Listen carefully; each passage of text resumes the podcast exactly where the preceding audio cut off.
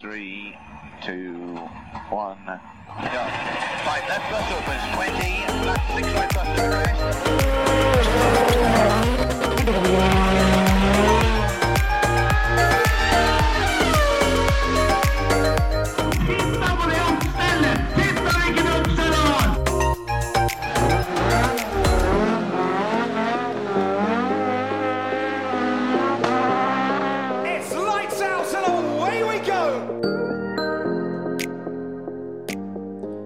Da er det føremøte igjen. Vi starter som vi pleier å gjøre, med oppropet. Emil Antonsen, Hei, hei. Terje Flåten Her er jeg. og jeg heter Kjetil Flåten. Og i dag så har vi med oss eh, en gjest som eh, heter Marius Gjevik. Hallo. Alle fire. Oi, oi. Begynner å bli en vane av dette her med fire mann i studio. Ja, ja, ja. ja. Nå er vi jo blitt et sånn der eh, mediekonsern, som sagt. Så det er klart at vi må jo Vi må jo ha en del gjester, da. Vi må følge opp litt. I dag har vi egentlig gått litt sånn uh, utafor normalen. Eh, vi har jo kalt oss sjøl for føremøte, men eh, du er jo en av de som eh, er litt mer av det som skjer bak føreren, Marius.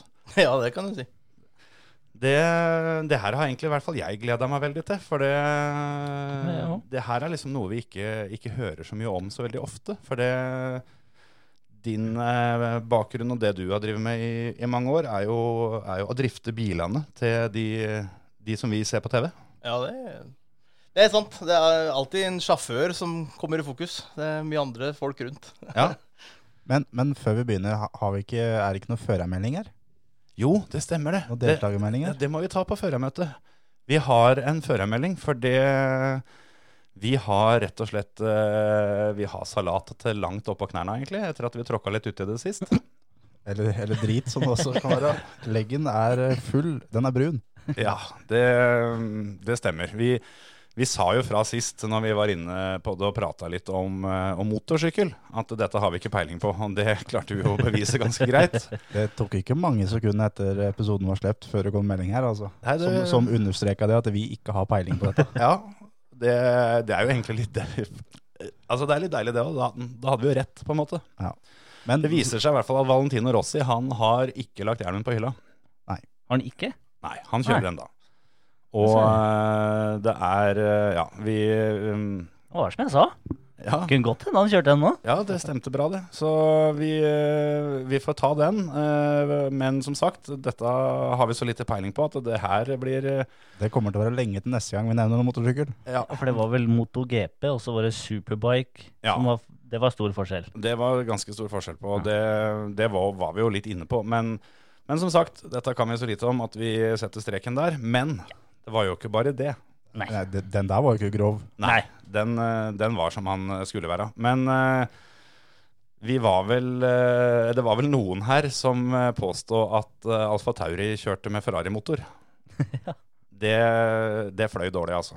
Det, det er riktig. Det er jo en, er en sånn Ferrari-Honda, er det ikke det? Jo, og i en ganske tidlig episode så fikk vi også sagt at, de, at McLaren kjørte Mercedes.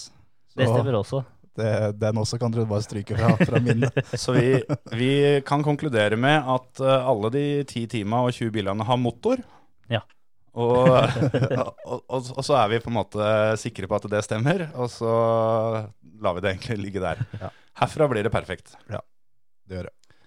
Og apropos motor og formelbil, det kjenner du til, Marius, kanskje bedre enn de fleste andre i Norge. Ja, det kan man si. Um, har jo holdt på med det i noen år, da, så det, ja.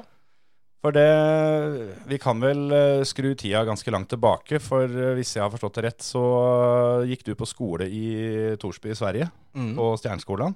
Første norske som uh, gikk på Torsby, eller Stjerneskolen i Torsby, som utdanna seg til tevlingsmekaniker i mm. år 2000. Åssen fungerer det, for de som ikke har hørt om dette? Det er, det er en vanlig skole, ikke sant? men litt mer spissa utdanning. Ja, det er det. Det er en helt vanlig videregående skole. Um, sånn som man går på som Når jeg gjorde det, i hvert fall, så het det Mekken, og så gikk man da VK1 og VK2 etterpå. Og da er det lagt opp sånn at det er en vanlig videregående skole. Vi har uh, noe som heter uh, I Norge da, så har vi noe som heter Reform 94, som Ja. gjør at du kan som 16-åring gå på hvilken videregående skole du vil i hele verden, og norske staten må betale for det. Ja, det hørtes ut som en eh, OK kombo. Ja, og det, noen utnytter det, og jeg var vel en av de som klarte å utnytte det, og komme inn på en skole i Sverige som da norske staten betalte for. Ja. Eh, som gjorde at jeg blei etter hvert utdanna til løpsbilsmekaniker, som man kan kalle det på norsk. Ja, Endelig gikk skattepengene til noe fornuftig. ja, det er klart. ja det, det må jeg si. Men det er helt vanlig videregående, for å si det på den måten, at man er der i, ja, i tre år etter eh, ungdomsskolen og Ja. ferdig utdanna etter det. Men så klart, med motorsport i fokus, og bare motorsport i fokus, Ja. eh, hvor man er utplassert I Sverige så er jo det litt større motorsportmiljø i- forhold til bedrifter og team enn det er i Norge. Mm. Så den skolen er veldig flink til å samarbeide med de store teama. Mm. Og, og jeg var jo hovedsakelig utplassert i Volvo sitt STCC-team Ja, ikke sant? via skolen. Det er ikke så verst, det. Nei, det er ganske bra. Ja, for Jeg skulle liksom spørre hvor, hvordan, er, eh, hvordan er jobbsøkinga? Eh, jobbsøkinga den går ganske bra etter å ha fullført skolen, for du er litt Ok. ettertrakta. Ja, Ok. Eh, det er jo det også at eh, har du gått den skolen, så er jo du så å si først in line da, til å få en jobb etterpå. I hvert fall i Sverige. Ok. Eh, men det er også fordi at du har da vært på de rette stedene under skolen. Så det å være hos Volvo, det var eh, stort, stort pluss. Det var stort pluss, og det var det som gjorde at jeg fikk en jobb med en gang etter at jeg var ut, utdanna av skolen. Det var jo, jeg hadde vært på rett sted til rett tid og sånne ting, og hadde rett erfaring i forhold til hva de søkte etter. Og da ja, fikk jeg jobb med en gang. Det høres ut som at uh, dine Operasjon Dagsverk har vært litt råere enn våres. eh. ja, det kan du si. Sjæl så var jeg i Stokke barnehage. Jeg bygde fengselet her i Herre kommune i min arbeidsuke. Det, Det, det hadde jeg sagt hvis jeg satt inne, og jeg var med og bygde, bygde det. er Satt opp at det, det, spikra paller han og lata som han bygde. den brakka står merkelig nok enda. Men kan du gå gjennom bare sånn veldig kjapt hvor du har vært hen? Forskjellige team? Bare sånn veldig, veldig kort. Veldig veldig kort, så begynner vi med Volvo da, i Volvo, STCC. ja. Og så ble det Opel i STCC, med norsk sjåfør, Tommy Rustad.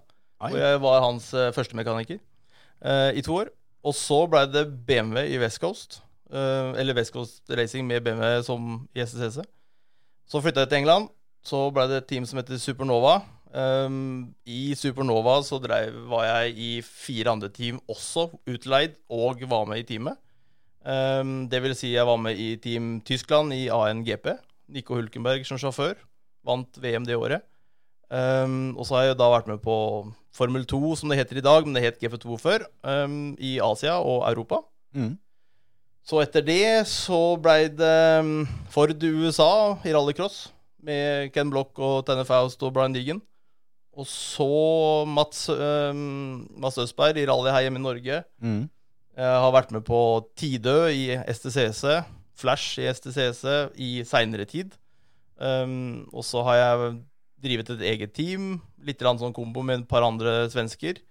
Og nå det siste er Team Team Greenpower med formelbiler fra Norge. Og, og så har det blitt bygd en gressklipper. Og så har det blitt bygd en gressklipper innimellom der òg. Ja, helt riktig. Ja, men gresset gror. Ja, ja. Gress- Det Gresset høres jo og- ut som at du hadde noen reisedøgn, så jeg tipper at denne gresskliperen hadde et lite formål med å få jobben gjort ganske fort. Ja, det er når du først var hjemme. Uh, ja. Eh, og samtidig som gressklipperen ble bygd, så var jeg, jobba jeg også da for Team Trulli i Formel E òg, faktisk. Ja, se der, ja. Mm. Det høres jo litt ut som du har vært innom det meste som uh, har firehjul og går fort her. Jeg har vært innom ganske mye, det er helt riktig. Både Eh, rally og rallycross og baneracing. Hovedsakelig baneracing, da. Eh, rally har ikke vært så mye av, det har vært med matt. Det, det er det jeg har gjort i rally. Eh, men hovedsakelig så er det da baneracing. Uh, litt med Ford og rallycross med, med, med det, som blei at jeg gjorde det i forhold til å komme til USA og jobbe litt i USA, for det var det jeg hadde lyst til. Um, fikk muligheten den veien. Men uh, hovedsakelig så har det vært baneracing, og det er det jeg helt klart brenner for i forhold til eh, motorsport, eller bilsport, så er det baneracing. Det er ikke noe motorsykkel. Det er det nå, er det motorsykkel. Og det har ikke med meg å gjøre, det har med min sønn å gjøre. Ja, ikke sant? For du, du har aldri kjørt noe sjøl, du har bare vært eh, Mm, jeg, jeg har vel som alle andre kjørt litt gokart da jeg var yngre. Mm. Um, ikke noe veldig mye der. Uh, jeg er ikke noe sjåførtalent på den måten. Um, og jeg kommer ikke fra en familie med penger, så enkelt, så vi, det var ikke så mye råd til å kjøre gokart.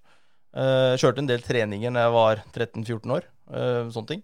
da var jeg Jeg er jo i en litt eldre garde på den måten at jeg fikk ikke lov til å kjøre når vi var seks. Så vi måtte være 13 for å få lov til å kjøre. Mm. Um, så blei det bilcross, og kjørte mitt første bilcrossløp på Lyngås. I bilcross junior der. Uh, gjorde det ett år, og så flytta jeg til Sverige etter det. Og etter jeg flytta til Sverige, så har jeg ikke kjørt noen ting. Nei. Det er bare, har jeg bare jobba med å skru og teammanager og sånne ting. da. Er det lov å ta ut bilen for en liten test, eller når du liksom har skrudd den ferdig for å se at det funker og sånn? Nei, Nei. Ikke helt tatt. ikke helt tatt. Det, for det første så koster det altfor mye. Det er én ting. Mm. Og så er det tusen ting du må gjøre for å få denne bilen til å gå. Ja. Det det er litt sånn det funker. Men når du, eh, for å begynne litt forfra igjen, da, som du sa, du var førstemekaniker for eh, Tommy Rustad i Opel STCC. Ja. Eh, Hvor stort er teamet der da? Hvor mange andre mekanikere er det på bilen? Mm, det var Opel-teamet var ikke det største teamet i forhold til om man skal sammenligne med Volvo og West Coast og, og litt andre, og Audi den, på den tiden. Uh, men Opel-teamet var greit nok. Vi, var På et løp så var vi fem til seks mekanikere, hvor jeg da hadde ansvar for bil og var første. Mm. Um, men fortsatt et lite team Ja. i Opel-teamen. Ja, Eh, om jeg sammenligner med det jeg har vært med på både før og da seinere etterpå. Uh, men når vi kommer litt lenger opp, da, om vi går til sånn som på, på West Coast, allerede der i STCC, så er det jo Der er man fire mann på én bil. Ja. Pluss ingeniører, pluss uh, teamfolk, team, altså andre ting. Ja. Og så går du da så klart til Formel neste steg i England. Så var vi jo på et Formula E, eller um, på et um, A1 GP-team, så var vi jo ti mann på en bil. Ja, ikke sant? Men en, en ting som jeg lurer på, hva er forskjellen på førstemekaniker og en vannmekaniker?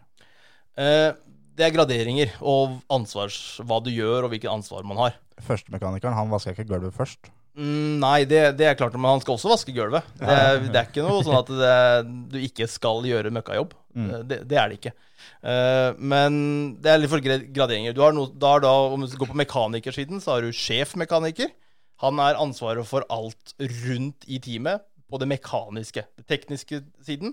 Mm. Det vil si at når man driver da flere enn én biler, man har to biler, tre biler, fire biler, så har man en sjefmekaniker som overser alle mekanikerne, som da går gjennom det tekniske med førstemekanikerne per bil. Mm. Førstemekaniker er på én bil, og du har ansvaret for den bilen, og det mekaniske som skjer kun på den bilen. Mm.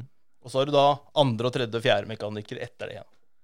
Uh, og det er graderinger på hvem som gjør hva. Og det, det er alltid førstemekanikeren sitt ansvar for at det tekniske er i orden på én bil.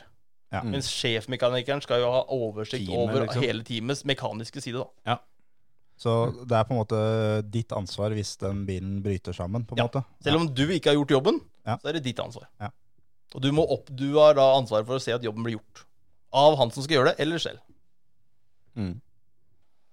Det er litt av et uh, opplegg, altså. Det, jeg har jo uh, hørt noen historier av andre som uh, har vært i teamet til Petter Solberg f.eks., og sånne ting, da, som, eh, som eh, da har ansvaret for eh, på en måte venstre forhjul på denne, Mm.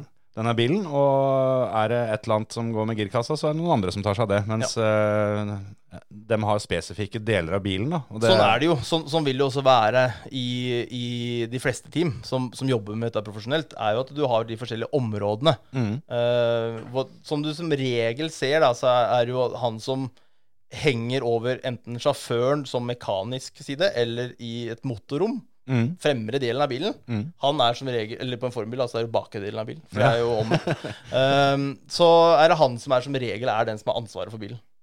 Uh, Men du har jo fortsatt en andre mekaniker som driver et hjulhus. Ja, han jobber bare der. Men det spørs hvilket team han er i. Men, men det er liksom sånn at man, man har ansvar for ting, selv om man kan gjøre andre ting òg. Mm. Hvor mye er det førstemekanikeren eh, er involvert når det gjelder på en måte oppsettet på bilen og den, den delen der? Hvor, hvor mye kan dere påvirke bilens ytelse? Du påvirker ingenting i forhold til hva som er bestemt av en sjåfør og en ingeniør. Ja, for dere får deler som skal på bilen? Og, Nei, og deler er feil feil å liksom. si. Vi, vi får et uh, papirark Ja. eller en datasheet, eller spørs hvordan man jobber. Om man jobber med, med dette online uh, i forhold til ja, men I store team, Formel 1, Baba, sånne ting, så har man jo ikke ark. Det er jo Nei, ulovlig. Uh, da må man ha datamaskiner som sier hva ting skal være. Men man får et papirark som sier at her er innstilling på bilen, og så er det din oppgave å få de innstillingene på bilen. Ja. Ut ifra det det står på arket. Ja. Mm. Gjøre som man får beskjed om, rett og slett. ja. Ja. Og gjennomføre at det blir gjort. Mm. Uh, ja, har man litt innsett inn, litt uh, mellom øra, for å si sånn, og du syns at dette er helt feil, så, så sier du jo fra. Ja. Men, uh, og det er flere ganger man må spørre faen, er dette her rett? Eh, skal vi ha fem grader camber der? Er, er- stemmer det, liksom? Og da må man, fordi, fordi at man er våken på den oppgaven man gjør, Ja. at dette her, dette her virker ikke rett. Det er jo helt annet enn det vi har gjort før. Ja, altså, også kanskje i forhold til Ja. en del andre ting som du får beskjed om. Og da, sånt og da går man jo tilbake til ingeniøren og sier at hallo, øh, stemmer dette? Og så vil du gjerne vite hvorfor det stemmer, eller bare ja, det stemmer. Mm. Eh, eller nei, det var feil. Det kan også skje, så klart. Mm. Eh, og da må man gå gjennom det. Men det er din oppgave å få gjennomført at Uh, bilen har de innstillingene når bilen skal ut på banen. Ja, men du kan ikke bare si at deg, men eh, det var litt mye camber her, så vi bare skrur ned litt, vi, og så Nei. ser hvordan det går. Nei. Da, da blir alle verdier feil. Eh, det, er en, det er alltid en grunn til hvorfor ingeniøren har kommet opp med den oppgaven at den skal se sånn ut. Mm. Det er alltid en baktanke et eller annet sted. Mm. Selv om du eller jeg eller mekanikere ikke veit baktanken, så er det en baktanke hvorfor det skal være sånn. Det kan jo være så enkelt som at det er noe de bare vil teste ut. Mm, altså. De har ikke nødvendigvis trua på det, men de vil bare ha litt data fra åssen Yes. det fungerer. Fiffig. Men du, for å gå over på um, Formel 2, da. Mm. Det er jo veldig spennende for eh, min del, i hvert fall. Mm. Og har jo sett litt sånn som Det var jo Fulgte jo kanskje mest med på det når eh, det var GP2 og Varhaug var der.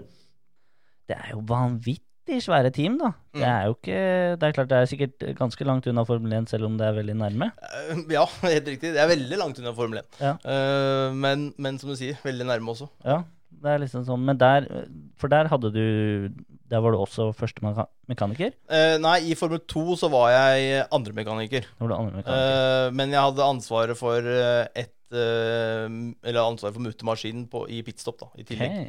Okay. Men jeg, jeg var bare andremekaniker i Formel 2-tiden. Okay. Mens jeg ble leid ut som førstemekaniker til andre team. Okay. Ja. Ja, for det, da, har du, da er du ansvarlig for da eh, at hjulet henger på plass. Ja. Basically. Det som jeg skal bytte Ja. på, ja. Helt riktig. Og da, hvem hjul hadde du da? Venstre bak. Venstre bak. Og det fordi Er det noen grunn?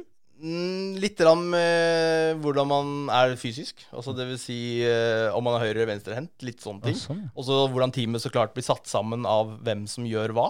Ja. Eh, det er jo ikke, jeg fikk jo ikke venstre bak som at her, ta det, vær så god. Nei. Det her var jo ting vi testa på og fant ut av. Um, når jeg begynte for Supernova, så var jeg jo ble jeg jo satt inn i situasjonen hvor jeg skulle trene på å bytte dekk. Og for å være klar til sesongstart. Mm. Jeg begynte jo der i oktober, og første løpet var jo i april. Så Ja. vi hadde liksom litt tid å trene, trene på. Men allerede i oktober så var det fra første dag så var det trening på pitstop. Ok. For å løse og finne ut av gåtene på hvordan Hvor passer jeg best inn i teamet, da? Sånn, ja. Er jeg på mutemaskin, eller skal jeg stå på en dekk, eller skal jeg stå med lollipopen? Altså, hvor passer jeg inn? Ja. lollipopen? Lollipopen, ja. Det vil si den Nå i Formel 1 har ikke lollipop lenger, da, men, men man har en lollipop som sier at stopp, klar, kjør. Og så lokker man opp, og så kjører man. Stemmer det. Jeg var det jeg tenkte. Den der, eh, den der Pinnen, han mannen som som står med pinnen. Ja. Jeg så for meg en som sto ved siden av og spiste is og bare fulgte meg Og, liksom, Du, har- du har én ting som ligner på en dollypop. Ja. jo, det er sant. I dag så bruker man ikke lollipop, da. I dag bruker man lys. Ja. Det skal Men det er fortsatt en mann som står med den bryteren og Ja. sier grønt eller rødt. Har de backup, tror dere? Ja, har garantert backup, ja. Ja. Så det kommer en ut og firer i gang? Det er rått å være tredje sånn uh, lysmann. Nei, men uh, hvor eh, Hvis du skulle tippe, da, hvor mange timer trening dere hadde på pitstop uh, fra oktober til Altfor mange. Eh, jeg trente sånn ca. 30 til, til 40 minutter. Det, det vi gjorde, da var at vi hadde en, en bottle, altså en dykkertube, i forhold Ja. til at man må ha trykkluft for dette. Um, og den fylte man opp mens man jobba på Ja. dagen. Fylte den opp så at den var klar til pitstop-trening klokka tre. Ok, Så pitstop-trening klokka tre, så var det pitstop-trening til den var tom. Ja. Og det var hver dag. hver dag. Og det var en halvtime til 40 minutter hver dag. I, eh, I et halvt år. Og da- da, går det på det å finne tiendeler, hundredeler. Ja, det, had- I starten så handler det om å finne ut hvor du er, hva du skal gjøre, posisjon, sånn og sånn. Men etter hvert tiendeler. Og gjerne gjøre feil. Gjøre masse feil. Så feila ikke kommer når du kommer til løp. Og jeg, det vil si fra alt fra å ødelegge muttermaskiner til å ødelegge hjulbolter til Det spiller ingen rolle. Feila skal oppnå på test, mm. og ikke på løp. Har du vært borti noen grove feil på løp, da? Eh, ja, det kan man jo si. Eh, Hva er det verste? verste er den gangen hvor vi mista hjulet når bilen kjørte ut. Ja, det er det verste. Okay. Så, så du, du ler ikke av has når dekket deres detter av? Eh, jeg ler ikke av dem når det skjer første gangen, og ikke andre gangen heller, men jeg blir ganske oppgitt når det skjer tredje og fjerde gangen. Det, det andre spørsmålet jeg hadde, var jo sånn som i tilfellet med has, da, hvor, Mm. det, hvor det bare ikke skjer én gang, og det skjer to ganger. Hvor, um, hvor hard er den kjennepreken eh, man får? Får man kjenneprek, eller er det bare sånn 'dette her skjønner du sjøl at du har driti deg ut'? Ja, men akkurat i det tilfellet så vil jeg jo påstå å si at eh, det er ikke han mekanikeren sin feil. Nei. Det, der er en annen som skal få kjeft, Ok? og det er han som har konstruert den, uh, den, den mutteren og det Ja, navet. ja. Og det høres jo litt sånn ut. Ja, men det er det jo. Ja. Det er jo på, påvist eh, feil. Å ja. Eh, hvor det er en eh, Hvor materialet utvider seg annerledes enn hva de tenkte at det skulle gjøre i forhold til varme. ok. Og Det her har jo med klareringer å gjøre på mutter og, og nav, Mm. og at dette, at dette ikke skal skjære seg Ja. når man gjør pitstop. Ja. Og har man da kalkulert det feil i forhold til temperatur, så kan sånn skje. Og det var det som skjedde to ganger, da, eller fire ganger til slutt. Men jeg, jeg må jo se for meg at uh, et sånt pitstop, det må være et jævla rush. Det må være jævla kult. Det, du husker ingenting. Det er det første. Det er et adrenalinkick så det ljomer etter. Du blir helt uh, satt ut. Det Hjertet dunker, og du veit ingenting. Du er, har jo da på deg hjelm, utstyr, alt mulig. Du er inni din egen boble. Og så går du og gjør det du har trent på i halvt år, et år, hele tiden. Det går du ut og gjør, og så går du tilbake igjen. Og når du da setter deg ned etterpå, så bare Ja, det gikk bra, eller gikk det dårlig? Fordi mellom der så veit du ikke. Det, er, det går helt sømløst av seg sjøl. Så klart, det er alltid de løpa som det går dårlig, du husker. Men jeg skjønner jo hvorfor dere trener så vanvittig mye på det, da, når det er så ekstremt at du ikke husker etterpå. Så, Ja, ja, så må jo dette her eh, rett og slett være innprenta i muskelminnet, da, at, det, at ting går av seg sjøl. Mm. Ja. For det, du har ikke tid til å begynne å tenke deg om. eh, Var det lefty righty Ja, nei, det, Eller var det righty tighty dette skal gå helt av seg sjøl, og, og det, du skal være så sikker på at du kan gjennomføre arbeidsoppgaven din uten å nøle eh, Ja. hele tiden. Og det viste seg jo i forhold til den tiden når jeg var med på i Supernova, så vi var jo det teamet alle visste at kom bilen dems inn før vår, så var vår først ut. Ja. Og det visste de. Så enkelt var det bare. Ja. Ja, er- og, og når vi hadde det ryktet på oss i pitten i depotet, så er jo det bra for oss. Og vi føler at det var liksom Da har vi oppnådd det vi vil. Det er jo et psykisk overtak, det. Ja, ja, ja, kjempe. Og, men så hadde vi da interne konkurranser hele tiden òg, om å være raskest i, internt. Ja, For det tenkte jeg på. Hvor beinhard er konkurransen opp mot den andre bilen i teamet? Nei, ikke andre bilen, for være- vi, det- gjør de, samme, vi gjør samme bil. De, de andre hjula. De andre hjula, ja. Aha, Helt riktig. de går helt Det er de andre hjula. For det blir jo sånn kappløp rundt, ikke sant? Ja, Og eh, første året tapte jeg alle. Så enkelt er det. ja. Mens andre året så hadde jeg Og en- endte jo opp av Jeg tror det ble eh, en prosentsats, så tror jeg ble 60-40. Ja. Eh, og så blei det bedre og bedre for min del. Det blei det jo. Eh, jeg har ikke klart å vinne alle en gang. Det har jeg ikke gjort. Er det sånn når du bytter om fra sommerhjul til vinterhjul da nå, at du savner den derre Nei. Nei. Det er ikke det nå?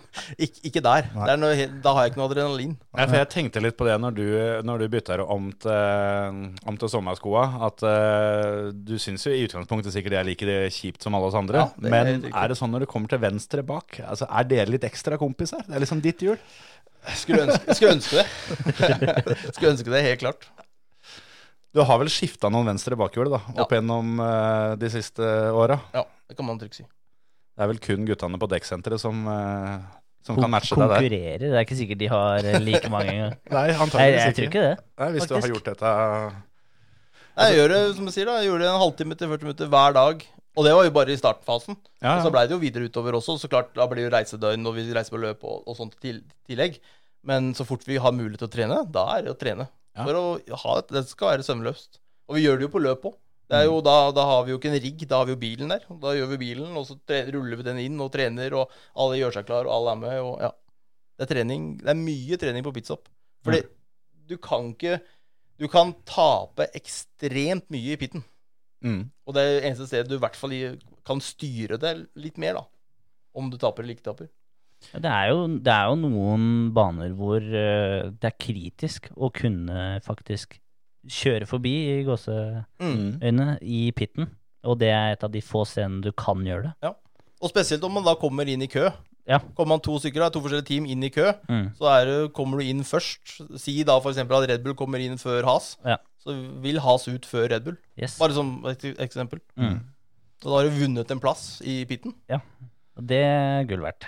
Akkurat Red Bull er vel litt vanskelig å klå på det. For det er Ja, men der- der- som et eksempel, Ja, ja, ja, jeg skjønte det. Men det er vel de som De satte vel verdensrekord og forbedra den til og med et par ganger i forrige sesong. Ja, men så er, det, sånn- så er det Williams da som har flest rekorder. Ja. Det, det er litt sånn som jeg tenkte på, at Williams som da egentlig har gjort det så dårlig. Men de pit-gutta, Mm. de gjør jo så godt de kan, de jo. Ja. De, de trener helt sikkert like mye som alle de andre, sjøl om, om de da er uh, halvannen til to sekunder bak på runden. Så er ikke det at nei, men da gidder vi ikke å trene i dag, gutter. Altså Hvis de er sist på banen, skal de i hvert fall ikke være sist i pitten. Ja, det er det er noe det. helt sikkert. Ikke sant? Nei, det er vel nede i å skifte Skifte fire hjul på 1,8 sekunder eller noe sånt nå? Ja, det er ikke noe det? sånt, ja. Da, og da skjønner jeg på en måte den der som du sier om at du husker ikke etterpå. For da, da er hun robot, da. Mm. Det er så sinnssyke greier. Nei, drøyt. Uh, du sa du var førstemekaniker for Nico Hulkenberg. Er det sånn nå at uh, hvis du møter han på gata, så er det klem og Ja, klem veit jeg ikke, men, men at de hilser, ja. Og snakka med han for i fjor. Ja, det gjorde jeg. fett? Er det han skal drive med nå i år, som han ikke skal kjøre Formel 1? Ja, Det veit vet jeg faktisk ikke. Jeg Han er jo veldig innblanda i elektriske. Ja. Ja, ja. Så har han jo kjørt noe Le Mans eh, og noe greier der. Og, Jeg veit ikke om han kommer til å kjøre så mye, men eh, han er jo veldig på det der å, å være med på den biten med å produsere og utvikle Mm. E-nettverket, da. Og vet du, sånn som Bare den sykkelen hans har han jo brukt uh, uendelig med dager på å få utvikla akkurat som han vil.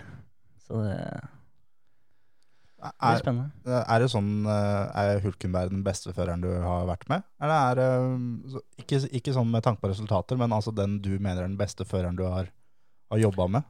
Mm, nei, altså ja, altså På resultat så er han jo oppi der, for vi har jo vunnet VM. Så ja, jeg er jo med på det. Ja, ja. ja.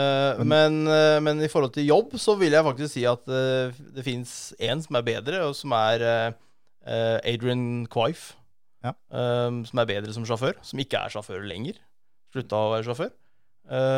Men har en helt sinnssyk, for å si det sånn, måte å jobbe på. Hvordan han er som sjåfør. Hva han tenker, hvordan han utvikler seg på ting. Han, hvordan han tar nye utfordringer og den delen der.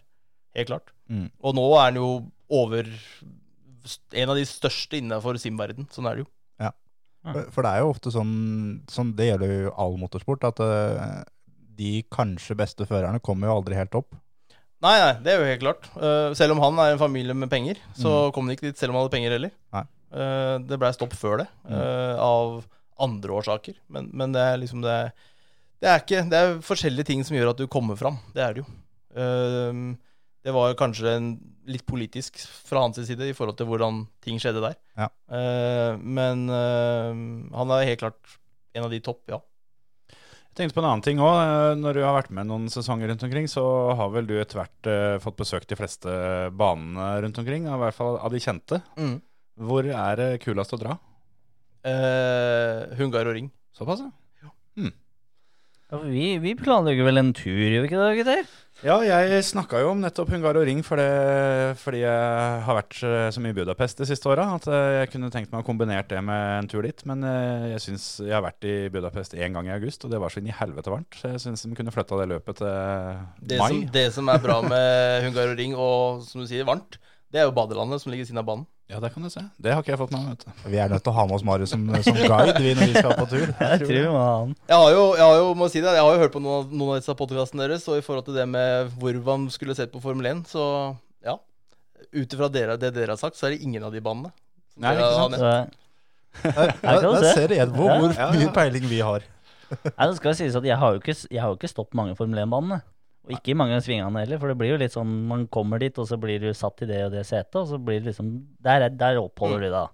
Så vi hadde vel treninga og sånt når du gå og kikke litt, da. Mm. Men når du er liten, så er det jo Du vil jo se langsiden Ja, ja, og litt det sånn der. Så tror jeg da, så, så tror jeg faktisk at uh, noe som kan bli kjempebra, det er jo Sandfort. Ja. Det tror jeg. Men det er kanskje ikke bare banen, men hele greia. Nederland, eh, Max så klart, med Max Verstappen og, og nederlendere. Og at hele banen kommer til å være oransje rundt. Ja, det blir jo rundt. helt Det kommer- ja. Den atmosfæren, hvordan løpet gjennomføres, hele greia, det kan bli det beste løpet. Mm. Men om det er det, det kan jeg jo ikke svare på i dag. Hvor mye fritid har du når du, når du er på løp? Eh, Er du på badelandet noe særlig? Er det Badelandet har jeg faktisk vært på. Det, det, er, helt- det har jeg faktisk vært. Men eh, nei, lite fritid. Mm. Det er eh, flyplass, og så er det til banen. Ja. Jobbe, hotell, banen, hotell, banen. Ja. Og så er det flyplass hjem. Det her, det her eh, det er samme som når vi var på tur med deg, Emil, når du kjørte løp. Så var det så mange som sa fy faen, du er så heldig. Ja. og reist dit og sør i Italia og i Spania og sånn. Men det er sånn Vi sier ja, vi vi lander her, og så er det da rett til banen. Så er vi der da i fem-seks dager, og så er vi hjem igjen. Mm. Jeg har jo så vidt vært innom den lokale pizzasjappa, Ja, du er heldig hvis du finner liksom én ny restaurant. da. Ja. Ellers er det samme sted å spise. Der er grei mat. Der veit du at du dauer ikke dagen etterpå. og Det er sånn, Du driter ikke i buksa eller dressen da, på banen. og Det er litt sånn. Ja. Det er trygt og det er greit. Det går fort hver gang å få mat. og Det er liksom sånn, det skal bare være Så det er sånn der, Og i vårt tilfelle da, så er det ikke akkurat sånn at de gokartbanene ligger midt i smørøyet heller. Så det er jo gjerne langt fanevoll nede i en eller annen bygd som nesten ingen har hørt om. Og så inni der ligger en liten bane. Dere fikk nå i hvert fall dagslys. Eh, Jeg med min eh, tidligere jobb, når jeg reiste rundt på alle de store pokerturneringene i eh, hovedsakelig Europa, så, så var det å jobbe på dette, dette kasinoet om natta, og så var det å sove om dagen, og så var det hotell, kasino, hotell, kasino, flyplass hjem. Så eh, det er jo ofte Men sånn, men Men kunne du jo Du kunne jo på en måte Hvis du hadde vært virkelig gira på å utforske litt, så kunne du jo på en måte kan sløyfe den rette for sovinga. det. Ja, jo, jo. Det er Det, sånn, eh, men det er mye gøy om natta òg, det altså. er veldig gøy der òg. Det var jo det som var um, en, en av de største trekkplasterne, da, for å si det sånn, for de som jobba med det, dvs. Si mekanikere eller teampersonal som jobba med ANGP, når mm. det gikk. Det var at alle ville jo jobbe i ANGP. Fordi der var det muligheten for å gjøre andre ting enn å bare skru bil. Eh, den serien blei jo skapt av en person som eier tilfeldigvis noen gruver i eh, Syd-Afrika. Som produserer diamanter. Jaha. Så enkelt. Da har du penger, altså. Og da, han måtte jo mm, ja, vaske litt diamanter, for å si det sånn. ja, ikke sant? Og eh, han måtte bruke penger på noe, så han skapte jo en hel egen formelbilserie. Som da ANGP var. Og alle teama var eh, budsjettert med så og så mange millioner fra han hvert år. Ja. Rått opplegg, og og, i tillegg til det så fikk jo Han arrangerte jo også løpa. Han arrangerte da partyene rundt løpa. Han arrangerte liksom alt rundt det. Og der var det sånn at du av mye av dette med visum og på grunn av reise og tidsforskyvninger og alt mulig rart, så var det sånn at vi alltid kom dit fire til fem dager før vi skulle være der, og vi reiste alltid hjem to til tre dager etter vi skulle være der.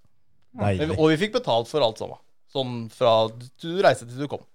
Jeg ser for meg at det eh, fort kan bli en litt ålreit fest Det når, eh, når løpet er ferdig. Det ble ganske mye bra fester på den tiden der. det Sånn. Og hele verden rundt. Det var Syd-Afrika, og det var Australia, og det var New Zealand, og det var Kina, og det var eh, England, og det, det var overalt. Vi reiste rundt. Er, er det de kuleste åra? På, på grunn av det? At du da fikk du opplevd mer enn bare hotellbane? Det er helt klart de åra, de åra jeg vil uh, ha som uh, uh, historie, da. At jeg har gjort det. Mm. Um, og så klart, vi vant jo med Nico, så det var dritkult å vinne i tillegg. Så, så jeg vil jo ha de åra der, ja. Eh, men i forhold til det mekaniske, så er det jo ikke det. Der er, da var det litt ja, gamledagse biler, de er ikke like hypermoderne sånn som Formel 2 var, og litt sånne ting. Men, men hele opplevelsen, som, som en 20-åring eller 25 år som jeg var da, reise verden rundt og få betalt for det og ha det gøy, ja, så klart. Det begynner jo til helga, dette greiene her. Ja. Fader, det er ikke lenge til. Vi kan jo spørre deg, hvem, eh, hvem plukker du som eh, favoritt? Eh, om vi går på Fantasy FN, så tror jeg jeg har gjort det litt annerledes enn noen andre. Ja, det tror jeg. Ehm, Jeg har ikke vært inne og kikka engang. Kan vi se andre Nei. lineup? jeg kan ikke se deres. Nei. Jeg eh, var inne og så før i dag, og så kikka litt på åssen du får poeng. Så jeg tenkte at det her går jo an å kjøre en eh, helt annen strategi enn en det som eh, gir mening i utgangspunktet. Men uh, hver gang jeg tenker sånn, så viser det seg at det stemmer skikkelig dårlig. Så jeg får vel bare Jeg er ikke snørring, så jeg har bare satt opp uh, noe som virker liksom innafor, og så Det var en, en veldig kul, uh, kul greie som jeg så ut ifra poengberegninga til Fantasy FN. Vi har jo laga en liga på, eh, til føremøtet. Vi, vi skal dele den i kommentarfeltet til episoden, for der er det Du får ikke søkt opp føremøtet. Du må, du må ha en sånn jævlig lang og vrang kode for å komme inn. Men det er vel noen som er ivrige nok til å gidde det òg. Men uh, det er score... Ja, ikke sant? Ja. ikke sant? Ja, du er han ene andre. Mhm. Ja, for vi- det er fire med, og det er oss fire, da. Marius Ja. DRS. Ja, ikke sant? Mm. Burde skjønt det. Nei, for det, eh, Føreren din han eh, får bonuspoeng hver gang han eh, slår teamkompisen sin i løp og kvalifisering. Okay. Så du må, ha, du må ha den beste føreren i teamet. Det er viktig. Faen. Da har jeg dritmøte med å ha med å ha Vettel, altså. Helsike. Jeg kan, si, jeg kan si at jeg har ikke Vettel et eneste sted. Ikke jeg heller. Det var ikke så mange som hadde Han var en av de førerne som var minst plukka, og soleklart minst av toppførerne, så jeg. Så, Han var jævla dyr, da. Til å kjøre men han var billigst av de beste, på en måte. Jo, Det er jo, jo men det er altfor mye, da. Han er jo ja. nesten en sånn her eh, midtfeltkriger, han eh, nå, føler jeg. Ja. Har, har du med Hamilton på laget? Nei Jo, det har jeg. I lag tre, men han eh, spiller jeg ikke med hos dere. Lag tre, ja. Ja er- det, er- det er såpass. Jeg har, jeg har gått for én serie i år, det er denne. Det er mer enn nok, tenker jeg. Få høre toppføreren, da. Du trenger ikke å avsløre hele laget, men uh, toppføreren på laget ditt. Han er finsk. Ja. Og kjører, Kimi? og, og kjører Mercedes. Ja, han tror jeg er smart. Ja. Han er uh... Jeg tror, nok, Men han jeg, tror nok jeg tror nok Mercedes da er der oppe, så klart. Det ser vi på testing, og det ser vi på alt. Ok, greit, de har hatt noen motorproblemer nå på dems egen og par andre biler, men, men eh, jeg tror nok Mercedes er der oppe. Det er de nå. Vi må jo spørre deg som eh, er vant til å, å skru formelbil og kjenner eh, hver eneste skrue på den bilen. Hva tenker du om dette DAS-systemet deres? Det nye Det jeg tenker med det, er at det er jævla innvikla. og i hvert fall så at det ikke skal gå i stykker under fart, for å si det sånn. det, det har jeg tenkt på, at det må jo være skremmende, og så dra rattet til deg, og så er det lost, for eksempel. Men det jeg tror, da Ikke at jeg skal si at det har skjedd, men jeg tror de har hatt det før òg. Ja, ikke sant? Ja, det kan Mm. hende. Selv om ingen har sett det. Mm. Greia er at nå ser man det veldig tydelig, fordi de har, ut, de har lagd det til et større spekter. Altså Istedenfor å justere en halv millimeter, så justerer de nå to millimeter. Ja, Da ja, ja. syns Sånn, det mye mer. Mm. Mens jeg tror de har hatt det før òg. Det kan godt hende. ja. Ut ifra hva, hva jeg ser, og hva jeg har hørt. ja. At det har funnes noe lignende fra før av. ja. Som ingen, ingen har klart å se. For du har jo litt kontakter du innafor i Formel 1-verden. Ja, det kan du jo si. Ehm, jeg har eh, ganske mange av mine gamle eh, arbeidskollegaer som jobber i Formel 1. Det har jeg. Blant annet eh, han som er ingeniør for George Russell, som er ja, Som er delt hotellrom med i fem år, blant annet. ja. Er han er han optimist? Han sa som så, når jeg snakka med han for tre dager siden, at uh, de er nærmere alle andre enn hva de var i fjor. Ja, men de er fortsatt Men de er fortsatt bakerst. Ja, ja. Ja. vi får se, vi får se. Det kan jo være at det er noen andre som har, eh, har skrudd på et eller annet som ikke funker så bra som de håper òg. Så Mm. Men han trodde også at eh, som, han, han, som han sier, han kan jo ikke sitte og si det på den måten, men han tror nok at et par andre team har dumma seg litt ut. ikke sant? Og kanskje er lenger bakover enn hva de var. Mm. Um, Deriblant da uh, Alfa Turi, for eksempel. Mm. Som er et, et, et eksempel. Og Has i seg Mm. sjøl. Ja, Has uh, gjorde det ganske dårlig på testinga, i hvert fall. Mm. Men uh, testinga skal jo ikke leses for Nei, mye nei. ut eh, fra det, da. Det er uh, Om du leser leser ut fra det, så er jo Williams langt oppe. Ja, ja, Ja. da, Så da går Frank et eh, godt eh, år i møte, han da, altså. Det eneste du kan ta fra den testen, sånn som Has, er vel at de, de har vel eh, muligens kanskje seg med Eller kvitta seg med eh, en del av dekkslitasjen. Mm. Det kan jo Og det er nok mye av det de har testa òg, Ja. er faktisk dekkslitasjen. mm. Og ikke gjort så mye performance, og ikke Ja. gjort så mye toppspeed og, og sånne ting. Men heller langdistansekjøring. Ja. Altså sjekke runder hvor langt, hvor langt kan vi kjøre på et sett før vi får det problemet igjen. Ja. Og da har du heller ikke noen gode rundetider. Nei. Så det er, det er jo mange som ikke tenker på det, og det er mye vi ikke tenker på heller, som kanskje følger med noe mer enn alle, eller mange andre. Mm. Jo mange som følger ekstremt mye med, og kan strategier som de bruker og følger med. For mye av det blir jo offentliggjort òg. Ja, ja, Så ja, det- så klart. Det er jo litt sånn, De får jo et lite forklaringsproblem noen av de noen ganger, og da, da kommer det gjerne ut. Det er jo sånn at Mercedes sier om Ferrari at uh, garantert at de ikke kjører fullt. Og så sier Ferrari sjøl jo jo, vi kjører fullt. Det, det smilet hans, det tror jeg ikke noe på. Nei, jeg står ved det nå. Han bløffer. Eller dem bløffer. Jeg tenkte på han eh, kompisen din som eh, var ingeniør for George Russell. Mm. Han, altså ikke ingeniør, men George Russell, er vel etter det jeg har hørt, i hvert fall kjent for å være en fin fyr å jobbe for. Ja. Og viktig er det, eh, kjemien opp mot føreren. Det er veldig bra. Ehm, jeg kan jo si så mye som at han jobba jo med, med um, Lance Stroll før det. Ja. Og eh, han, han ønska ikke å jobbe så mye med han etter at han ble borte. Det skjønner jeg jævlig godt. Vi, eh, Emil har kjørt gokart samtidig som Lance Stroll, da, i forskjellige klasser. Mm. Og bare ved å se bobilen, så skjønner du at han er en pikk. Så Nei, kjemi er veldig viktig. Og det er, det er litt sånn som jeg sa i stad, at eh, vi hadde det veldig bra med Nico og, og den delen. Og, og selv om Nico og Hulkeberg ikke har klart å komme seg på pallen i Formel 1, så, så er han et kjempebra menneske å jobbe med Mm. um, på den måten. Uh, og det, det tror jeg det er veldig viktig i forhold til kjemi, i hvert fall mellom ingeniør og en sjåfør. Ja. Så klart, teamfolket resten, mekanikere og alt mulig, dem, man kan tilpasse seg. Man jobber ikke så tett sammen med en sjåfør som en ingeniør gjør. Mm. Mens ingeniøren bor jo oppå sjåføren når han er på banen. Mm. Det er, det er så enkelt. Er sjåføren på banen et eller annet sted, så er han sammen med ingeniøren sin så å si hele tida. Ja. Om man ikke går og gjør noe mediegreier, da. Um, og da må man ha kjemi. Man må kunne prate om ting. Man må kunne spørre om faktisk har du på deg rett undertøy for at du skal kjøre og løpe. Mm. Fordi dette skal funke. Du Ja. skal kunne jobbe sammen. Uh, og man skal kunne stole på hverandre.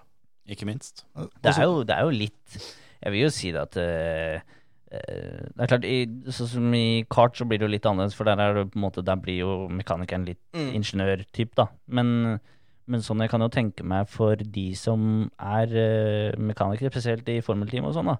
Det er jo litt viktig at ikke forholdet mellom sjåfør og mekaniker bare er liksom god morgen. Mm. Det, Ja, ja, ja, det- det, er, Det, er, det må være harmoni, og du må like han du jobber for, og du, du må ha det gøy sammen rundt andre ting òg.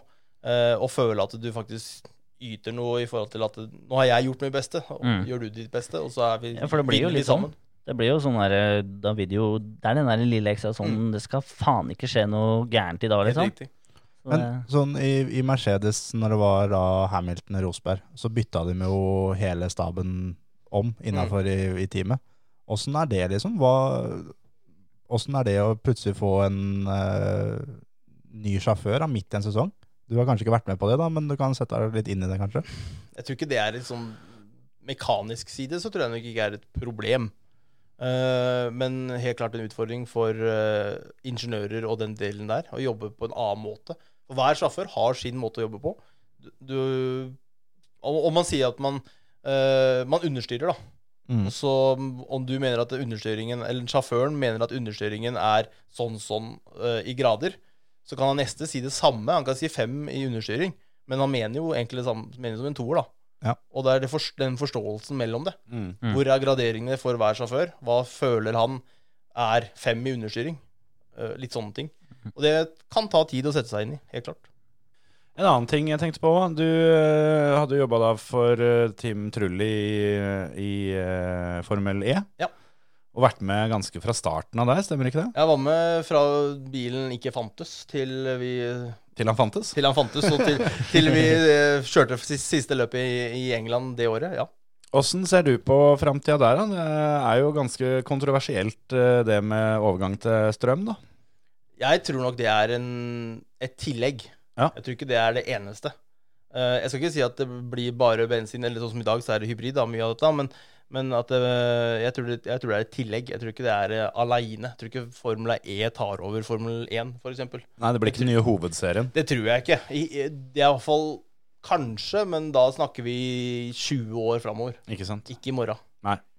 For det er jo eh, det, er jo det samme problemet eh, i, i f.eks. rallycross òg, som du, som du har jobba en del i. Og det, Der er det vel eh, i hvert fall planlagt at det skal ta over ganske fort i løpet av noen få år. Ja, det tror jeg, men det er mer av det kommersielle. Mm. Ikke det andre rundt. Ja, for det Uh, og det er for å få med bilfabrikatene, som de nå har mista. Mm. Masse av dem. Ikke sant? Uh, mens sånn som i formelsiden, da, så er det jo Formula E er et eget mesterskap hvor bilfabrikatene er. Men de er også, mange av dem er også i Formel 1.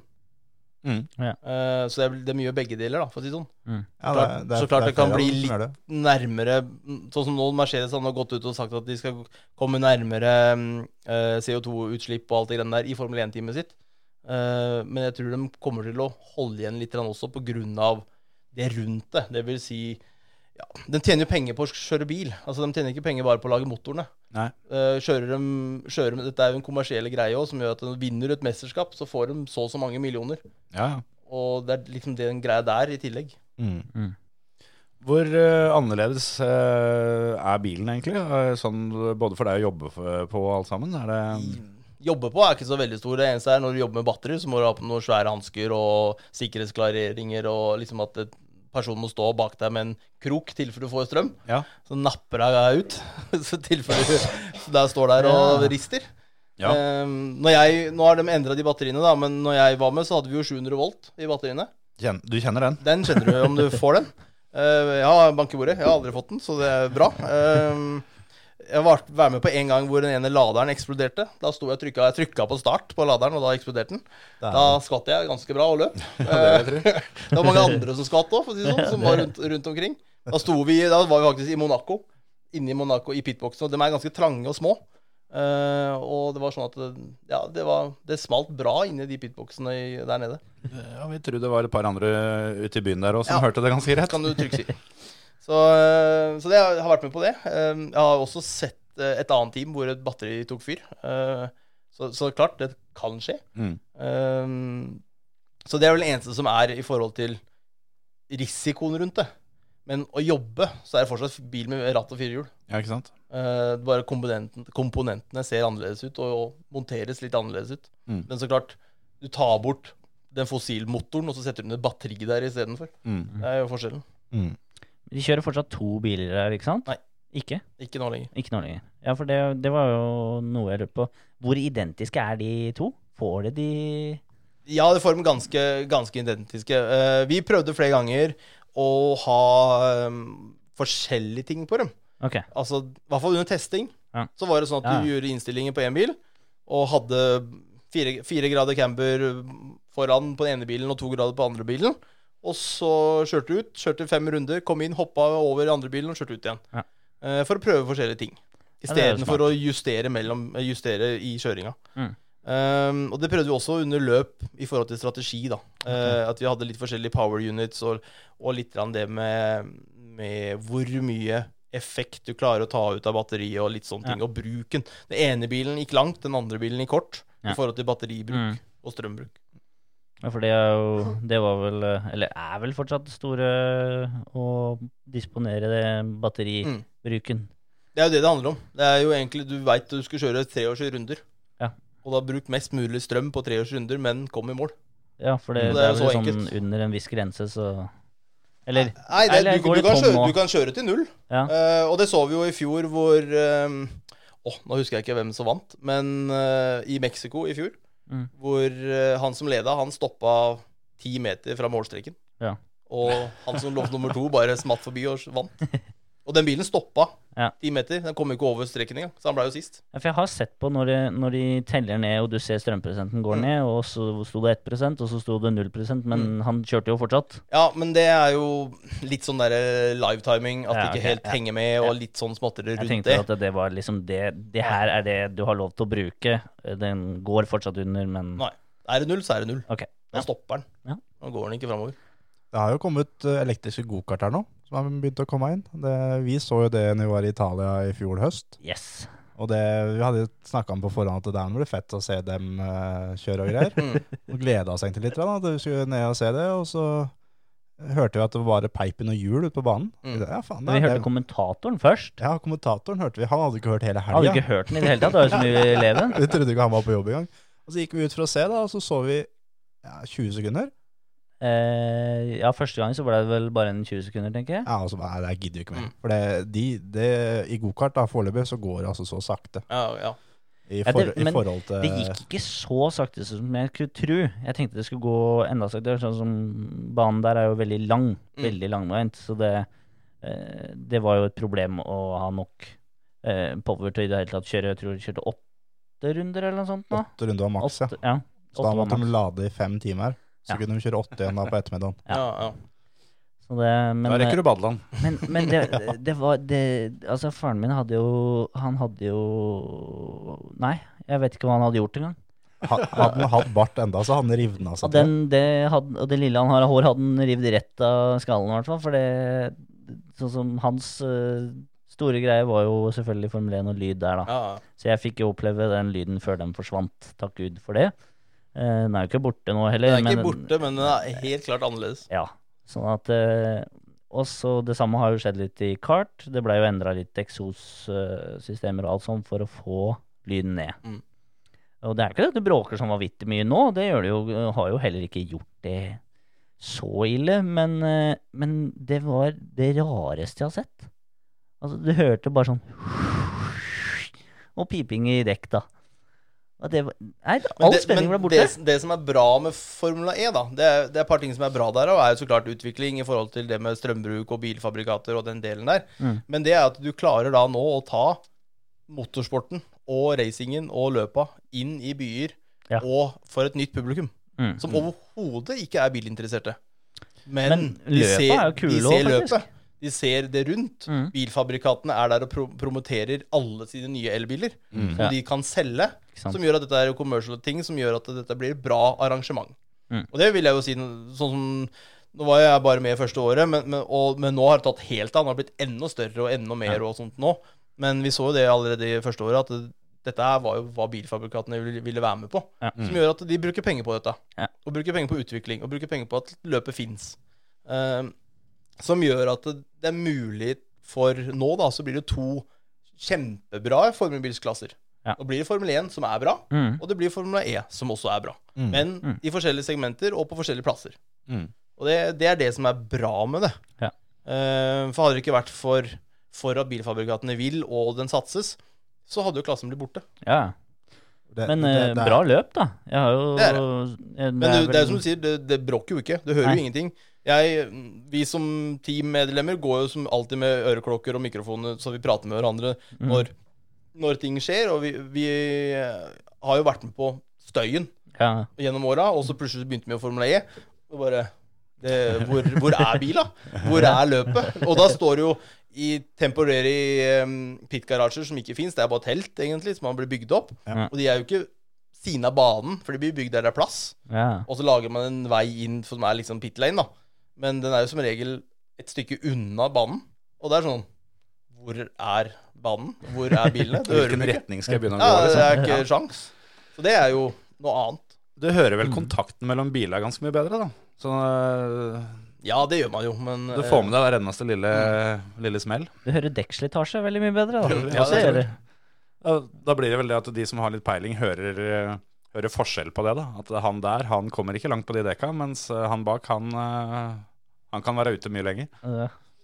Nei, så eh, Fader, er det Glemt Datt jo rett ut av huet. Med sønnen til en av En av disse store formelgutta har jo kjørt der lenge. Fader, hva heter det? Apt. Ja, Apt, ja. Eh, ja, både Apt, men det var ikke han- bare han jeg tenkte på, det var en annen. Men eh, ja, når han kjørte, var jo Apt kjører fortsatt. Han kjører fortsatt? Ja, det ser du. Eh, men det er ikke han jeg tenkte på.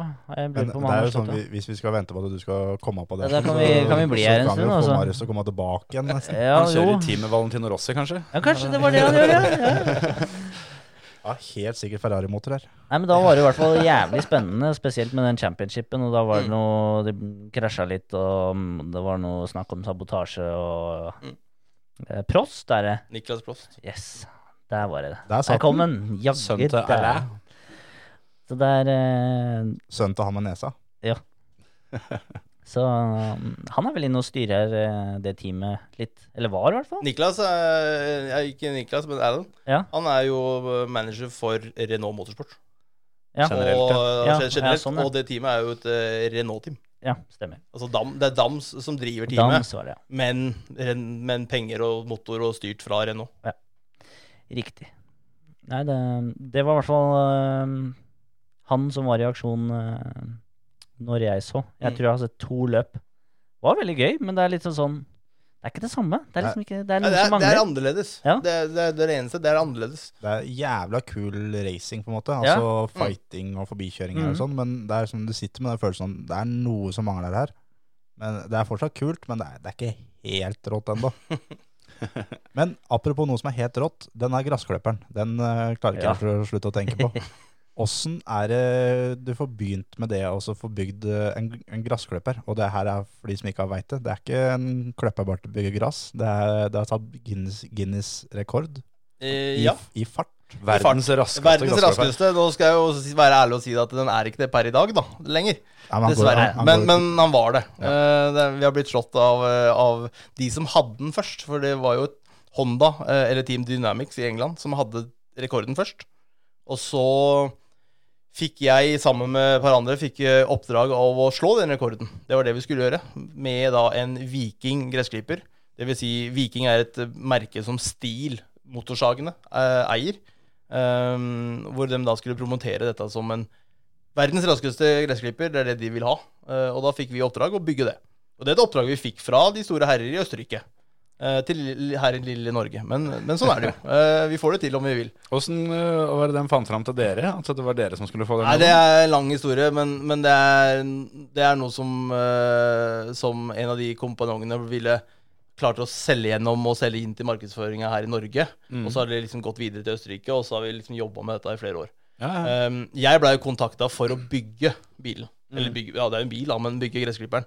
Klipperne. Eh, jeg var jo ikke involvert i det før salget var gjort, for å si det sånn. da. Eh, mens min oppgave blei å bygge selve gressklipperen og gjennomføre verdensrekorden og slå verdensrekorden i forhold til det mekaniske og kjøretøyet i seg selv. Hva- Eh, og så er, og så er det jo Pekka Lundefare som kjørte bilen. Selvfølgelig. Så det kan ikke være noen andre enn han. Hva- Hva er rekorden på? Da så var den på Vi satt den på Åh, nå må jeg tenke. Eh, Klipperen som jeg har kløppa, det tror jeg gikk i fem-seks kilometer. Ja, nei, det- Kanskje ti. Nå ble jeg litt usikker, men den varer 213,4 km. Dette er en sånn vanlig sitteklipper som, Ja.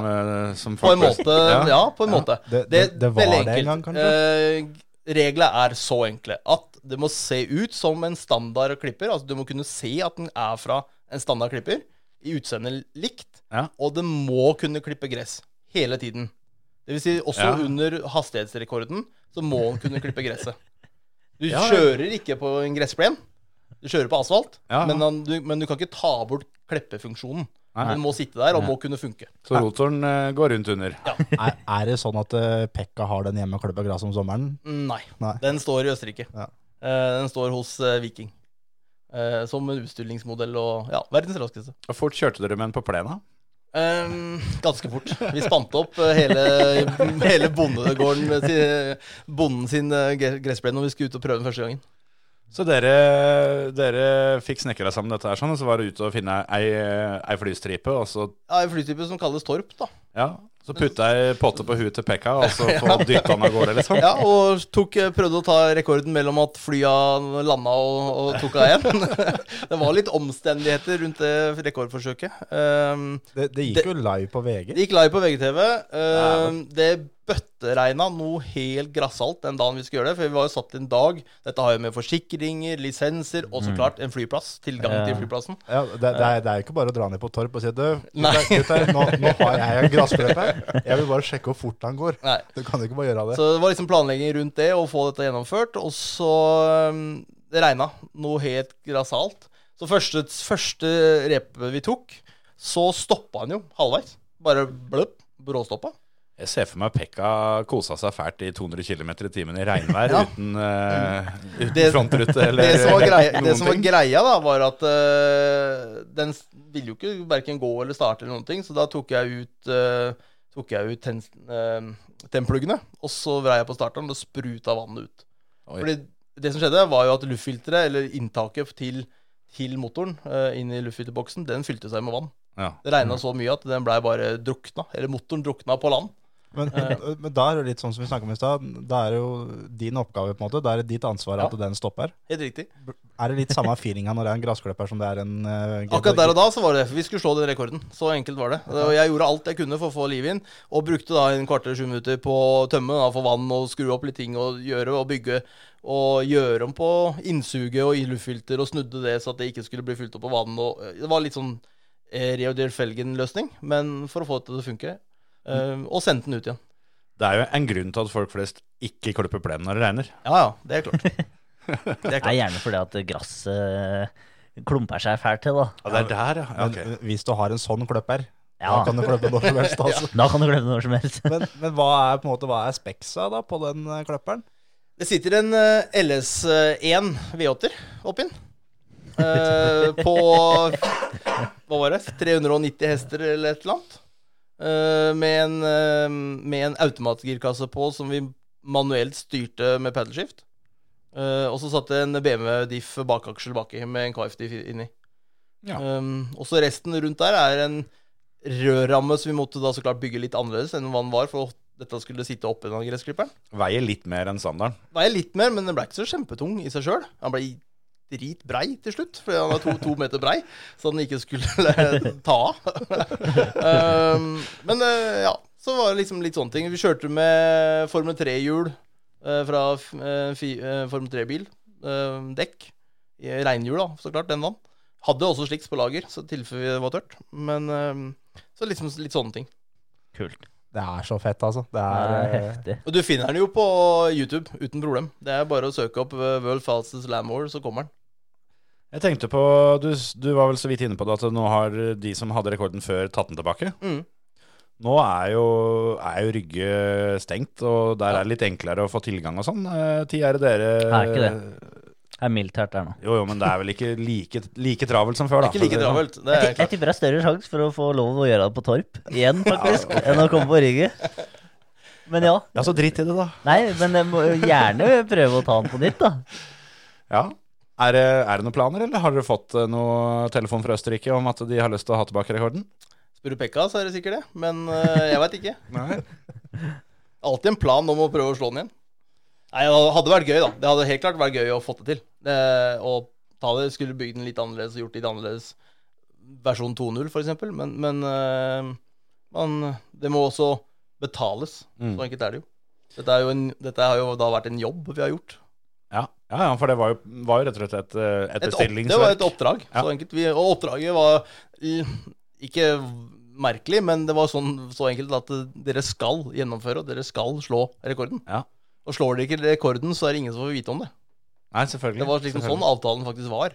såpass, ja. Så klarte vi å endre det litt sånn PR-messig. At vi klarte å promotere den før vi tok rekord og litt sånn forskjellig.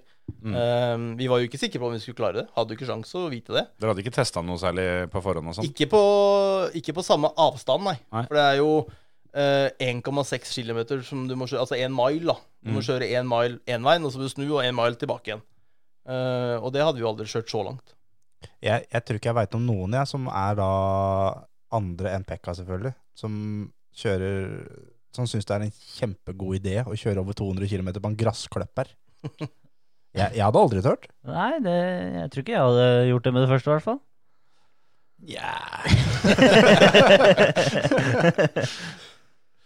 Nei, det, men eh, altså Nå har du på en måte gjort det. Er det noe, noen andre sånne sjuke ideer du har tenkt på at det der hadde vært fullt mulig å, å få gjort? Et eller annet sånt som er litt sånn gærent? Ja, ja, både ja og nei. Eh, det jeg kunne ønske og prøve å få til på en eller annen måte, er jo å ha en ordentlig Formel 1-bil, for å si det sånn, eh, her i Norge. Som Mm. vi kunne ha både leid ut og kjørt med eventer og gjort ting med. Mm. Så man får en Formel 1-opplevelse i Norge, helt klart. Mm. Ja, for det har vel vært noen ganske spede forsøk, bare Ja, det har ikke vært forsøk nok i hele tatt, Nei. for å si det sånn. Nei. Eh, det fins noe, finnes noen nordmenn Det finnes faktisk et par nordmenn som eier noen Formel 1-biler, det gjør de jo. Mm. Men eh, de er jo ikke i Norge, og de er for e kun eget bruk på den måten. Ikke sant? Jeg var på Solberg Motorshow en gang og så en Formel 1-bil kjøre, altså spinne, Mm. i eh, 30 meter. Og det var bare, det var dummere enn det det var tøft. For å si det sånn. Det var vel bitte litt prat om det angående når de skulle bygge ut uh, Rudskogen. Ja. Men uh, så Det var jo det det må finnes noen da, som er interessert i å finansiere det og Ja. jobbe med den, den delen av det. Det daua var jo ganske fort, det da. Og så har vi et sånn lite problem i Norge med lyd, da. Men du tar venstre bakhjul, du, hvis det Ja, ja, det, er- eh, det er ja. ingen, ingen problem. Ja, akkurat det med lyden er det jo dessverre mange som eh, kjenner til på en god del mindre utfordringer enn akkurat Formel 1. Da. Mm. Og folk flest, uh, inkludert meg antageligvis, skjønner jo ikke hvor, hvor stor den differansen er fra vanlig bilkjøring til, og vanlig motorsport. Ja, ja, nei, helt, helt klart. Men det hadde vært kult å kunne gjennomført det og hatt det i Norge, og, og liksom hatt det som en event og, og drift rundt det. Mm. Uh, det hadde vært gøy å kunne gjort. uh, for det krever også sitt. Det er ikke bare å, En Formel 1-bil i dag er ikke bare å t- trykke på start, og så går den. Det er mye ting rundt det. Hvis vi hadde hatt en eh, som uh, enhver mann i gata så å si kunne leid, Mm. hvor lang tid tror du det hadde vært før noen hadde kjørt seg i hjel? Kjørt seg i hjel? Ja. Det håper jeg ingen gjør. ja, men altså sånn hvis du kunne leid en på Rudskogen, krøtta bånn gass, så å si, da. Det, det er jo ikke bare å kaste den ut i bilen og ski her. Nei, det, altså det må, Det- det, det må være litt rundt det. eh, Ja. Så forhåndsregler og sikkerhetsregler må man ta. Jeg med- Eh, og det er ikke sånn at du kaster hvem som helst ut der. Nei. Er det oppsi flashbacks fra leiekart eh, i Tyskland som du ser fra nå? At det er samme gærningene som skal ut og kjøre Formel 1-bil? Ja, Ingen, ja, ingen er- av dere to hadde fått lov å prøve den Formel 1-bilen. Eh, Altså- det, hadde dere, altså dere sørga for ved og det dere har fortalt på podkasten før, for å si det sånn. Der er det bare å høre på episode to. Så kan du høre om uh, min og Emil sin leiekartkjøring uh, kjøring i Tyskland. Nei, men altså, jeg har jobba ett år hos uh, Heusmann inne på kartsenteret der. Og jeg kan med hånda på hjertet si at det er mye gærnere folk enn det vi to ute på den banen der, altså.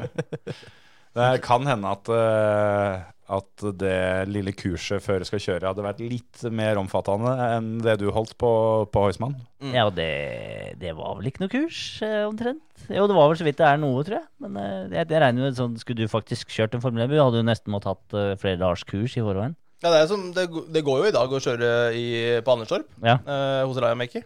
Og det er noe lignende man ville gjort, hvor man da må kjøre først en vanlig, en mindre bil. Altså kjøre Mm. Formel Renault, og så oppover, oppover, til slutt for å kjøre Formel 1 om du er verdig til å gjøre det. På en måte, Og gjennomføre alt annet.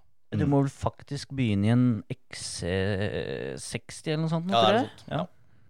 Men- Jeg har jo en sånn flott formellisens. Jeg har jo vært, og, vært igjennom hele den Mm. eh, regla der. Men du har jo da vært frilanser, som du sier. Um, Åssen fungerer det? Er det da Tar du kontakt med team og sier at eh, 'hallois, nå er jeg ledig', eller er det andre veien? Begge deler. Eh, Så, sånn som med da Formel E og trylleteamet, da. Nei, Da ble jeg ringt opp av Jano. Da ringte Jano meg og sa hei, Marius. Sjefen sjøl. selv, liksom. Sjefen sjøl. Eh, du, jeg trenger en ny Jeg trenger en førstemekaniker til bilen min. Vil du være det? Og da måtte jeg jo si ja. Følte jeg. Ja, Han har jo ikke noe valg da. Nei, det Nei, Uh, nei så, så, sånn funka det. Uh, og han ringte meg pga. Uh, rykte Jeg kjenner han ikke fra før av. Kjente han ikke i det hele tatt. Visste ikke sånn Vi har aldri møtt Ingenting. Eh, og han hadde hørt om meg gjennom sitt kontaktnettverk innafor Innenfor Formel 1 og motorsport og mekanikere og alt mulig. Og så klart, det finnes jo Alle er jo ikke ledige hele tiden. Det er jo så enkelt. Noen, noen er ledige. Og han, som han sa, han måtte jo bare finne ut hvem som var den beste ledige. Ja. Og da ringte han meg. Det er fett. kult. Er det du driver med nå? Er du, er du ute av det, eller har du noen prosjekter på gang nå? Sånn rent levebrødmessig av motorsport, så er jeg ute av det. Ja. Um, etter å ha holdt på med Team Green Power i to år, hvor vi har da vunnet Formula Nordic to år, med Emil Heierdal i første året og Edvard Sander Voldseth i fjor, Mm. så um, har jeg tredd av den stillingen som teammanager der, og har et såkalt normalt liv. Det er vel det man kan si. Ut i det sivile? sivile? Ut i det sivile, jobbe med en vanlig jobb. Jobbe på et kurs, og kompetansesenter i Ski. Ja. Ehm, og er leder der, da, eller driver, driver senteret. Um, men i tillegg til det så har jeg jo mitt egen hobby, som jeg kaller det. eh, Hvor jeg driver da drivlinje- og racingspesialisten. Mm. Uh, hvor vi server og bygger og selger girkasser og differ og sånne ting. Ja, ja, ja. Som jeg holder på med hjemme i garasjen. Hvis telefonen kommer eh, fra noe som er litt spennende, er du, er du åpen for det nå, eller er du litt ferdig med det, på en måte? Jeg, al jeg kommer aldri til å lukke døra. Si at da Toto Wolff da ringer på veien hjem herfra nå etterpå. Nei, det tror jeg ikke. Liten telefon fra Eh, Günther. Ja, men det, det er som med andre ting, da. Eh, ting skjer i livet. Mm. Eh, man får barn, man får så, familie. Mm. Eh, litt sånne ting. Eh, man må verdisette litt forskjellige ting her og der. Um, og sånn som nå, så har jeg valgt å stoppe med motorsporten som levebrød. Mm. eh, og heller ha et vanlig liv og leve med familien. Um, så klart, jeg har en dytter jo dette videre, og har en sønn som begynte å kjøre motocross og litt sånne ting, så jeg er jo ikke borte fra motorsporten. Det er jeg jo ikke. Nei. Men uh, levebrød er annerledes. Skal ikke se Eh, bort ifra at du blir eh, teammanager for eh, teamet hans også. Ja, Da, det, ord. det jeg er jo allerede sponsorsjef, ja, så ja. ja. Er hovedsponsor òg, eller? Ja, det òg. Åssen er eh, Altså, du behøver jo ikke svare mer enn det du vil, men eh, er dette noe du kan leve godt av? Eh, er, er det greit betalt og Det spørs hvor du Ja, jeg må si ja. Ja. Uh, du gjør ikke det når du er 19 år og nyutdanna fra skolen. Det gjør du ikke. Eh, da må du på en måte ta den jobben du får, og nok til å leve av. Mm. Det er ingen team i dag som I hvert fall ikke av de profesjonelle teama som, som har dette som yrke og har folk ansatte. Så det er ingen team som gir deg penger så du ikke overlever. Nei, Det er det ingen som gjør. Nei. Du får alltid en bra lønn. Du har en helt grei lønn uansett. Så, fra dag én. Uh, om det er nederst på rangstigen, da, for å si det sånn. Mm. Um, men det som er positive, er jo at du er jo aldri hjemme. Mm. Du bruker jo ikke penger. Nei, ikke sant? Fordi i regelen er så enkel at når du forlater hjemme, altså går ut døra hjemme, til du er tilbake hjemme, så er alt dekka. Mm. Det vil si fly, reise, mat, hotell. Du bruker ikke penger. Og de gangene du må bruke, så er det fordi du har fått øh, noe man kaller dagpenger. Ja. Så har du fått for å bruke det istedenfor at firmaet skal ta regninga. Um, så du bruker mindre penger, du, men du har heller ikke den største lønnen der. Men så kommer du da oppover i rangstigen, og du kommer oppover og begynner å jobbe og er førstemekaniker, sjefmekaniker, teammanager. Ja, da kan du leve godt av det. Og så klart, mm, der motorsporten er størst, der tjener du mest. Hvor mye har eh, gutta i Formel 1, tror du? De, eh, som En, er en førstemekaniker, han har i omregna i norske kroner, så tror jeg nok han har en 700 000. Ja. I sånn cirka lønn. Mm. Pluss at han ikke bruker en krone når han er ute. Ja, Ja. Med at det da fort 300 reisedøgn som ikke kan bruke her er krone. Mm. Så det er nesten billigere å bo på hotell hjemme òg, enn å faktisk leie en leilighet. Ja, det, det kan du jo si, men det er jo ganske Det som skjer da når du kommer opp i den eh, rankingen i stigen, så er du også litt eldre. Ja. Eh, det betyr også at du har da fått deg barn, samboer, alt mulig. Og veldig, veldig mange team har det sånn at Eller eh, mekanikere og familier har det sånn at eh, konen er hjemme. Mm. eh, for de som da er mannen som jobber. Og det er han som jobber og tjener alle penga. Og så er det også klart andre veien om det er damen som, som Ja. jobber. For i Formel 1 og i andre motorprosjekter er det jo også damer som jobber, gjør samme, jobb, samme jobben. Ja, for det tenkte jeg på. Det er vel et forholdsvis mannsdominert yrke, men det, Det, er det, men det, det kommer flere og flere kvinner inn i dette. Det Ja, gjør det. ja. Og dyktige kvinner. Ikke derimot. De er, mange av dem er kjempeflinke. Har du hatt noen eh, kvinnelige sjåfører? Jeg har hatt eh, en gang, så jeg, eller ikke en gang, ett år, så hadde jeg Michaela, eh, Michaela eh, Guriti. Hadde, også, hadde hun også en gang en test før det. Eh, Michaela Guriti fra Italia, eh, som per i dag er eier og teamsjef for Alfa-teamet som kjører i VTCC, eller TCR, da. Mm. De som bygger de bilene. De som eier det teamet. Uh, var min sjåfør, uh, Michaela. Og når vi kjørte med henne, så var hun den beste kvinnelige sjåføren per dags dato i forhold til eh, ranking og hvor hun var hen i formelstigen. da. Tøft. Jeg lurer på om vi begynner å nærme oss, jeg. Vi, vi må jo nevne Dirt-ligaen vår. Den har åpna. Eh, for de som eh, kjører, den eh, har mulighet til å kjøre fram til og med mandag. Eh, og du har jo også kjørt vår Dirt Challenge, Ja. som vi har alle gjester som er innom her. Åssen syns du det gikk? Ja, ikke noe, ikke noe særlig. det, er, det er en grunn til at jeg er mekaniker, for å si det sånn, eller, eller ikke sitter bak rattet. Og så er det vel litt dårlig gjort eh, at vi, eh, vi sender ut på alle med standard oppsett og alt sammen. Altså du, du burde kanskje fått lov å, å Justere litt. Litt justering på bilen. Mm. For- der har vi da fortsatt eh, Stian Normundstad som er kjappest. Og du, han kjørte på 3.13,7, og du klokka inn på 3.53,1. Ja. Det er, det er helt greit, det, for min del. det er, Men vi, vi skal ta med det at fra første gjennomkjøring så kjørte det ned ett minutt. Ja, det er klart. Så hadde vi hatt noen eh, flere gjennomkjøringer her, sånn, så kan det hende at tida til Paulsen på, på tredjeplass der, den hadde kanskje ryket. Ja, Altså. det har vært levd farlig. Det er det konkurranseinstinktet, da. Ja. Man vil bare alltid gjøre sitt beste. beste. Men det er like, like forhold eh, for alle. Så det er like mange gjennomkjøringer og, Det er det. og så videre. Men da på den dirtligaen som vi kjører, så er det, er det åpent. Jeg har kjørt gjennom hele løpet. Og lykke til til den som skal følge tempo på noen etapper der. Jeg så Terje Du var rulla på ja? siste. Ja, jeg rulla på siste og SS2 rulla jeg en gang. Eh, Bortsett fra det så var det ganske mye feilfrie etapper, altså. Her, det var tydelig at noen har sittet mange timer og trena på disse etappene. Det er vel også sånn at siden det er Rally Mexico til helga, og det er et løp som ikke fins i dirtspillet, så måtte vi finne noe som, eh, som ligna. Og der eh, landa vi på Hellas, at det er det, det løpet som har likest forhold. Og jeg tror at uh, Terje nesten kunne kjørt med øya igjen, for det, akkurat i Hellas så, så tror jeg du husker eh, nesten alt sammen. Ja. var, var det du eller han som valgte Hellas? Det var Terje. Selvfølgelig. Det, det var det.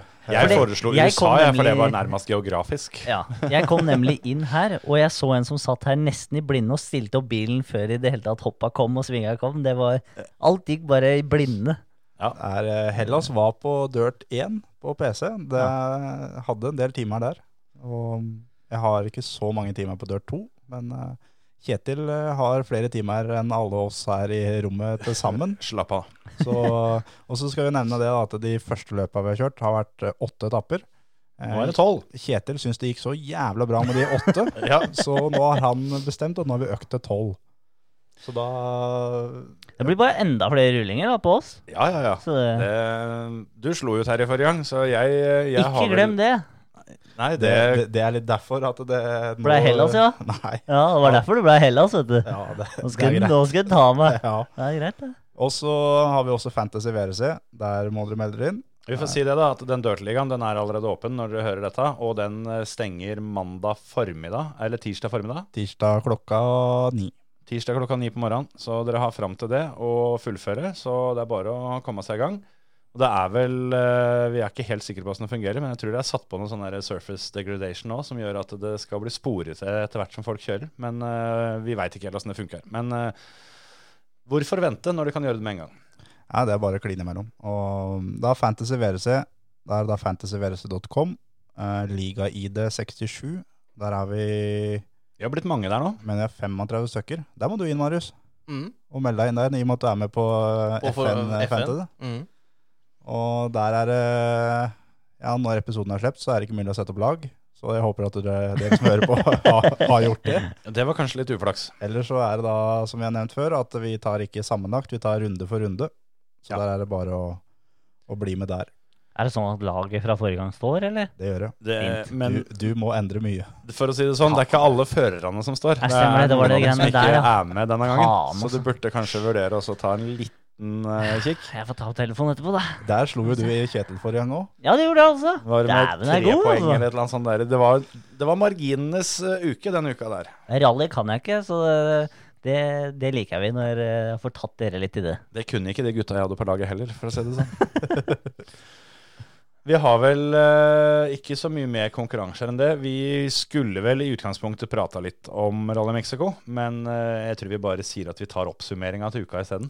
Det skal vi gjøre. Og så har vi fått uh, en del uh, caps her fra Marius her, sånn, som han har samla opp gjennom eh, sin karriere. Der er det mye uh, stilige caps her, så da kan vi vel si at den som er best på fantasy den runden her, sånn, får en caps. Og den som er best på Dirtligaen, får en caps. Ja.